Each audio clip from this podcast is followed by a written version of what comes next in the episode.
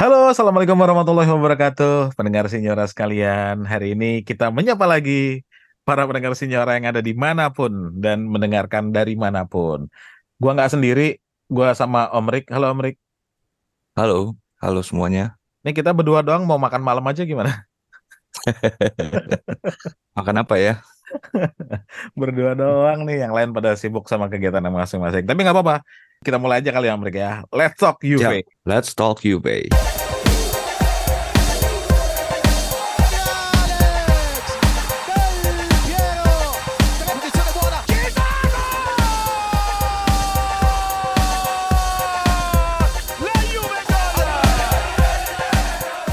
Nah, minggu kemarin Juve baru Ya. banget lawan Atalanta. Main away, terus hasil draw sesuai dugaan para member Signora semua, main seri nih. Tapi skornya 0-0, terus eh, minim kreativitas. Ya kalau sama Adit dibilang main jelek, kayaknya ya main jelek. Terus eh, pergantian pemain yang kelihatannya juga cuman position to position doang nih, baik Atalanta maupun Juventus. Kayak apa-apa ada indikasi dua-duanya emang emang ngincer draw aja nih, Om, biar ke depannya juga kan lagi bakalan berat nih, apalagi Atalanta gitu. Kalau mereka ngeliat pertandingan kemarin kayak gimana? Om? Gimana ya? Kayaknya emang udah ketebak karena kualitas kita Hmm, tidak mumpuni. Gini deh, hmm, kayaknya aku merasa ini sebagai suatu karma. Zaman dulu sebel banget sama yang namanya trio Kedira, Pjanic, dan Matuidi. Heeh. Udah males banget deh karena umur udah tua, lamban, nggak pinter ngegerakin bola, nggak kreatif gitu. heeh, heeh. Horse lah gitu ya. Apalagi sebelumnya kita punya Vidal, Pirlo, Marquisio, ada Hmm, Pogba. Jadi kayaknya penurunan kualitas sekali gitu ke Khedira dan Matuidi. hmm, Tapi zaman Khedira Matuidi itu malah jauh lebih bagus daripada sekarang. hmm, Sekarang itu kita istilahnya kayaknya kurang kualitas gitu loh. Bukan hmm, mereka tidak punya potensi. Fagioli punya potensi jelas. hmm, Si Locatelli juga punya potensi. Rabiot juga punya potensi. Tapi di sistemnya Allegri yang bisa dibilang mengharamkan kreativitas, potensi mereka ini ketahan gitu loh. Di mana potensi-potensi seperti Matuidi dan Khedira yang justru elu-elukan oleh sistemnya Allegri. Akhirnya apa? hmm, ini nggak nggak nggak jalan akhirnya sistem kita di Juve yang sekarang butuh waktu lagi akhirnya gitu sehingga pergantian pemain pun ya gimana ya segitu-segitu aja akhirnya kualitasnya gitu. Nggak nggak hmm, nggak akan pernah bisa ngangkat. Satu-satunya yang paling kreativitas as- yang paling kreatif kan cuman si ini doang Chiesa doang. Yang hmm, lainnya support dia doang ya tinggal dia ditutup habis sudah. Kita belum Vlahovic juga sebetulnya dia walaupun kualitasnya tidak sebagus Chiesa dalam hal kreativitas, hmm, tapi setidak-tidaknya dia bisa membuat orang tuh starstruck gitu loh pada hmm, ngejagain dia sehingga ruang untuk menyerang bagi tim itu kebuka lebar. Nah ini kan nggak nggak ada si Vlahovic, adanya Kane yang nerima bola pun selalu nggak pernah bisa benar gitu loh. Ya lepas hmm, lah, ya salah umpan lah gitu loh. Jadi akhirnya udah ketebak kalau misalnya begini hasilnya. Susah hmm, gitu di, di, di, di mengharapkan sesuatu yang lebih ketika kreativitas itu tidak ada gitu. Susah. hmm. Kan di mana-mana orang menghasilkan itu kalau berpikir out of the box kan. Iya. Dia dia baru bisa menciptakan sesuatu itu kalau berpikir out of the box. Kalau misalnya gitu-gitu aja ya gampang keantisipasi dong sama lawan. Iya. Logis aja gitu. Eh, kemarin juga lebih kelihatan dua strikernya Juve itu Chiesa sama Kane lebih sering fight sendiri di depan gitu. Ini ini kan Mm-mm. problem musim lalu nih Om. Bola Mm-mm. dialirin ke depan tapi nggak dapat support gitu. Karena saya beberapa kali ngeliat Ya. gesturnya Chiesa tuh yang kalau Mm-mm. kalau Kane saya ngeliat dia tengok-tengok tengok-tengok ternyata nggak ada orang. Akhirnya dia dribble lagi sama Iya. dia. Kalau Iya. Chiesa itu berapa kali itu dia minta ayo maju ke depan gitu eh, melebarkan tangannya ke kanan kiri gitu ayo maju Iya, iya, nah iya kayak memang. akhirnya Kostic pun kemarin dipasang di babak kedua mainnya juga bertahan juga gitu. Hmm, ketakutannya kembali lagi nih. Iya, tapi kan sebenarnya gini Om ada peran Giuntoli sama Magnanielli nih di belakang Allegri sekarang. Dan ini iya, dibilang fase transisi gitu. Kalau Om Rick ngelihatnya iya. transisi yang kayak apa sih sebenarnya yang pengen mereka bangun? Dan punya keterhambatan nggak nih kok keterhambatan tuh apa ya terhambat nggak sama strateginya Allegri gitu Iya, memang transisi buat Giuntoli karena mereka juga baru masuk. Hmm, Dalam arti mereka nggak bisa menyusun ide mereka tuh dari awal. Jadi masuknya di tengah-tengah. hmm, Ditambah kita juga punya masalah keuangan yang cukup pelik, belum lagi dengan masalah litigasi yang yang sedang menunggu gitu ya, belum hmm, lagi yang belum selesai. Jadi akhirnya konsentrasi tim baik itu dari manajemen maupun dari pelatih dan eh, imbasnya ke pemain ini berantakan sih jujur aja. hmm, Tapi bukan berarti tidak bisa apa normal kembali gitu, tapi butuh waktu intinya. Makanya itu dinamakan transisi. hmm. Gintoli bukannya orang jelek ya, dia matanya cukup bagus. Osimhen itu contohnya. Tapi kemampuan dia itu untuk saat ini belum bisa dijalani. Kalau nggak salah dia kepilihnya itu beberapa saat sebelum Mercato usai kan ya. Jadi memang nggak punya waktu yang cukup untuk Iya, memenuhi apa yang ada dalam pikirannya. Sementara Allegri ya dengan sistemnya dia gimana ya? Yang dia butuhkan orang-orang kayak ini sih. Orang-orang kayak Kedira, kayak Matuidi dan sekarang kan cuma Rabiot doang yang kuat tuh. iya, iya. Sementara Fagioli nggak kuat. Fagioli itu kalau misalnya si Allegri nggak diwanti-wanti sama manajemen bahwa kita harus menghidupkan anak muda yang dari Juve gitu loh. Apa Hmm. Memaksimalkan potensi Juve gitu. Memaksimalkan didikan Juve. Kalau dia nggak diwanti-wanti kayak begitu, itu Fagioli jamin pasti lepas. Dulu kan Pirlo lepas. Orang-orang yang kecil lembek gitu ya model-model kayak Fagioli yang Ah, penuh kreativitas model-model Fagioli pasti lepas. Perhatiin aja, iya, iya. hampir selalu lepas. Nah memang Fagioli nggak cocok sama modelnya si Babe gitu. Allegri nggak cocok. Jadi ya, ya memang susah akhirnya. Ya, ya kita kan memang sudah harusnya sudah paham ya Pak Allegri emang Ya, sistem mainnya begitu. Jadi kalau misalnya kita ngulik di situ ya ya percuma emang begitu aja udah orangnya. Kalau mau Allegri sukses ya beliin aja tuh pemain-pemain tukang gebuk semua tuh. Pasti sukses dia. Walaupun menangnya satu kosong, satu kosong, satu kosong gitu. tukang Ya gebuk gitu tuh tukang gebuk tuh maksudnya pemain-pemain modal otot gitu, Om ya. Iya, kayak Gattuso tuh pasti kepake tuh di dia tuh. Kayak Dira, apa Matuidi, Vidal sebenarnya cocok sama dia, cuman Vidalnya nggak demen sama Allegri makanya keluar. Ya model-model pemain tukang jagal gitu semua tuh. Karena Hmm, memang dari sejak di Cagliari dia memang mengandalkan kekuatan. Jadi hmm. timnya Allegri itu memang kuat kok. Memang kuat dia.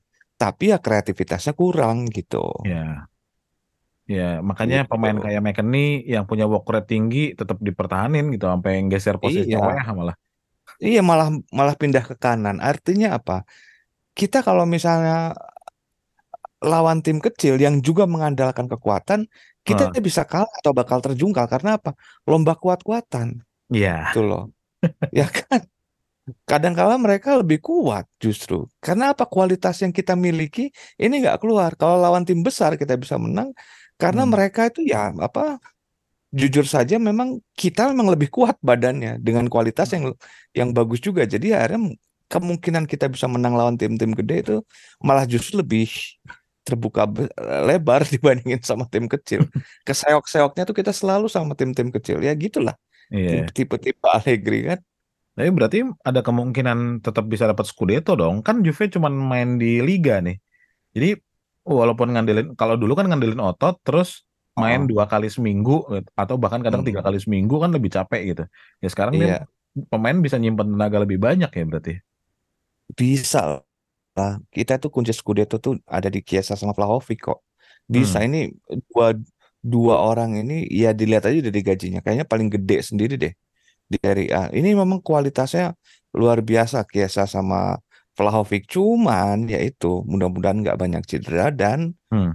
tim ini konsisten gitu ya apa dalam dalam dalam bermain harus terus maju ke depan untuk suplai mereka. Kalau misalnya bolak-balik mundur lagi ke belakang, mundur lagi ke belakang, ya percuma juga kita punya Ferrari, kita punya Lamborghini, tapi nggak bisa disuplai skill yang cukup untuk bawa dia ngebut gitu loh. Hmm. Hmm. Hmm. Repotnya kan di situ. Kalau kita bolak-balik ke belakang lagi, ke belakang lagi ya diserang sama lawan. Iya. Ujungnya apa ya? Apes kena gol gitu. Tengahnya kita lah, tengah kita memang ya bukan mekaninya jelek ya, tapi memang bukan itu kan posisinya dia kan. Iya, iya, iya. Memang bukan itu posisinya dia gitu loh. Sebelah Hmm. kiri Cambiaso dia hanya bagus ketika tim menang. Bukan dia jelek, dia sangat berkualitas, tapi kemampuannya tidak mampu mengangkat kualitas tim itu masalahnya. Hmm. Iya, iya. Yang kita butuhkan adalah orang yang punya kualitas untuk mengangkat tim. Sebetulnya Kostic, tapi entah kenapa musim ini dia menurun. Nggak tahu Hmm. juga tuh alasannya kenapa. Apakah ada permintaan dari pemain lain bahwa lebih senang Cambiaso yang main agar si pemain ini bisa punya ruang lebih luas dari kiri kita kan nggak tahu. Hmm. Dalam hal ini saya mungkin Kiesa lebih cocok merasa bermain dengan Cambiaso karena dia merasa aman di belakang. Hmm. Kalau sama Hmm. Kostic ini kan dua-duanya nyerang nih. Jadi Hmm. akhirnya apa? Porsi bertahan tuh dibagi dua. Kalau Hmm. ke Kostic menyerang ya Kiesa harus agak turun gitu loh. Mungkin ini yang membuat Kiesa keberatan atau membuat permainan itu menjadi tanda kutip lebih berbahaya lah dalam hal serangan balik. Kita nggak tahu. Tapi yang jelas Hmm. Kostic lagi menurun sekali musim ini. Nggak tahu kenapa tuh. Hmm. Nah, saya tertarik sama tadi Om duetnya Kiesa sama Vlahovic. Hmm. Sepenglihatan saya ya, udah eh, tujuh pertandingan. Eh, walaupun Hmm. kemarin kemarin mereka nggak duet ya karena eh, Vlahovicnya cedera. Mm-mm. Koordinasinya mereka berdua di lini depan tuh saya yang ngelihatnya ya, ini ini pandangan Hmm. pribadi ya. Mereka tuh masih Mm-mm. belum padu sih sebagai duet ya. Masih Iya. kelihatan Iya. eh, cari gol masing-masing gitu. Makanya tadi Hmm. kalau Amrik sempat bilang mungkin Vlahovic lebih nyaman kalau ada Cambiaso di situ, ya Mm-mm. ya mungkin gitu karena Iya. eh Chiesa juga bukan di posisi aslinya. Jadi dua-duanya Iya. tuh kayak bersaing untuk mendapatkan posisi karena Chiesa Iya. ditantang untuk Iya. menempati posisi baru, Vlahovic ditantang untuk lebih gacor di musim ini gitu dibanding Iya. musim lalu yang banyak kali. Kita sempat bahas minggu lalu tuh. Eh, nah, kalau mungkin Omrik punya pandangan yang berbeda mengenai duet mereka berdua, Om. Ini kan bukan formasi idealnya Kiesa dan Vlahovic. Ini Iya, kan duet, iya. iya, ini kan duet dibuat oleh Allegri gitu loh bahwa Kiesa ini harus dipindahkan posisinya supaya Hmm. bisa berduet dengan Vlahovic. Dia ingin mengejawantahkan formasi 352 ini sebagai formasi barunya Juve. Hmm. Padahal kita tahu semua dari awal, dari sejak pertama kali Allegri melatih, dia selalu sistemnya 4-3-3 atau 4-3-1-2. Hmm. Sama sekali dia tidak pernah bagus ketika bermain 3-5-2. Dulu pernah pakai 3-5-2, dia kemudian pindah ke formasi kesukaannya dia diselingi dengan 4-2-3-1. Di situ mulai gacor. Hmm. 3-5-2 dia tidak pernah sukses. Allegri. Akhirnya apa? Musim ini dia melanjutkan 3-5-2 karena dia pikir harus tetap kompak lah mempertahankan kekompakan ya Hmm. dalam dalam tim karena musim lalu 3-5-2. Jadi dia ingin mempertahankan. Resikonya apa? Kiesa ini harus merelakan posisinya dari sayap gantung menjadi sayap eh, menjadi striker striker eh, apa istilahnya striker dari striker sayap menjadi striker gantung di belakangnya Vlahovic. Ya gamang dia. Hmm. Dia selalu butuh ruang lebih luas untuk menyerang. Ya. Artinya sayap kiri gitu ya, sayap ga- sayap sayap serang di kiri. Vlahovic juga dari sejak Fiorentina kan dia diapit dua striker, Iya. dua sayap. Ya kan? Jadi akhirnya apa? Ini masih transisi tetap aja akhirnya. Bukan berarti mereka jelek, tapi mereka masih membutuhkan waktu untuk lebih kompak lagi. Hmm. Tapi potensinya bahwa ini striker, duet striker ini bakal meledak sangat besar Iya, iya. sangat besar karena emang bagus sekali. Hanya satu yang harus difahami sebetulnya oleh kita bahwa Hmm. kita tidak bisa berharap Chiesa akan menjadi Del Piero. dia bu- Del Piero bukan striker sayap, dia striker gantung. Chiesa bukan striker gantung, dia striker sayap. Jadi dua hal yang berbeda gitu loh. Ya kan? Nah, ini yang yang yang saya lihat di beberapa lini masa mereka berharap seperti Del Piero baru, nggak bisa. Ini dua hal yang berbeda, Hmm. dua tipe permainan yang berbeda. Dia akan serang dari sayap gitu loh. Bahkan mungkin lebih dekat Tevez ke Del Piero daripada Chiesa ke Del Piero. Ini Hmm. striker sayap, jadi harus butuh ruangan gede gitu loh Hmm. bagi Hmm. Chiesa supaya bisa memaksimalkan potensinya. Dulu sama Pirlo kan dia gacor tuh Ya. di sayap tengah, bayangin aja. Sayap tengah loh, bikin gol, aduh bagus banget. Melempem di Allegri gitu. Jadi Iya. memang,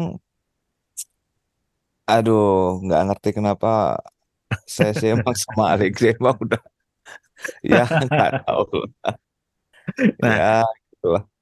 ke kemungkinan transisi ini juga masih belum bisa lanjut nih nanti Om waktu lawan Torino Ya, karena kita masih belum dapat update kalau Chiesa eh, F- sorry Vlahovic ini udah eh, siap dimainin di eh, lawan Torino atau belum ini derby della Mole nanti nih.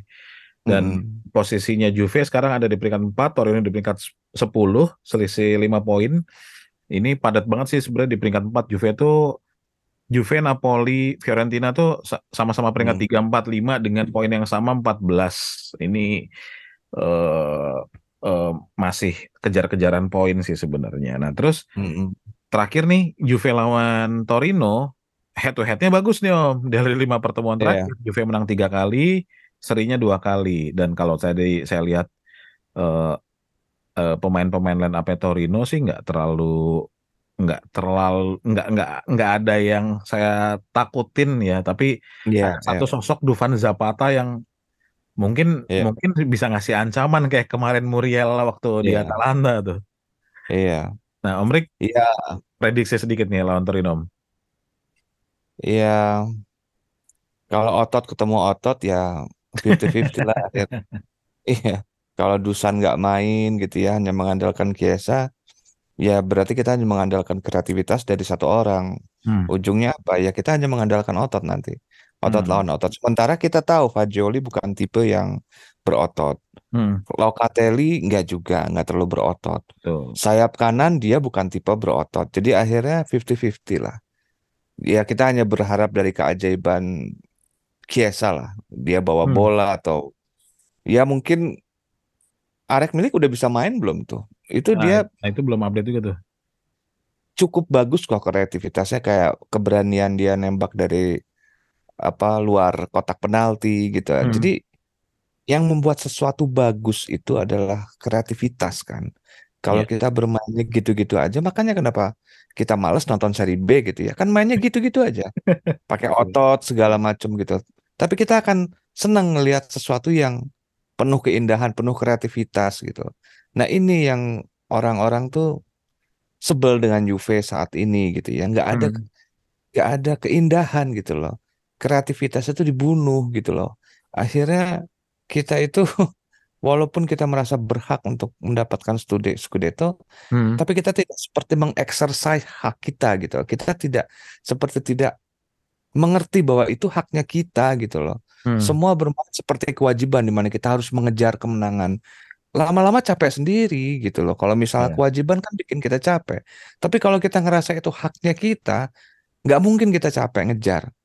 Ya terus aja dikejar lawan hak, hak kita kayak kita mau makan aja. Om gue lapar, itu hak gue untuk makan dikejar.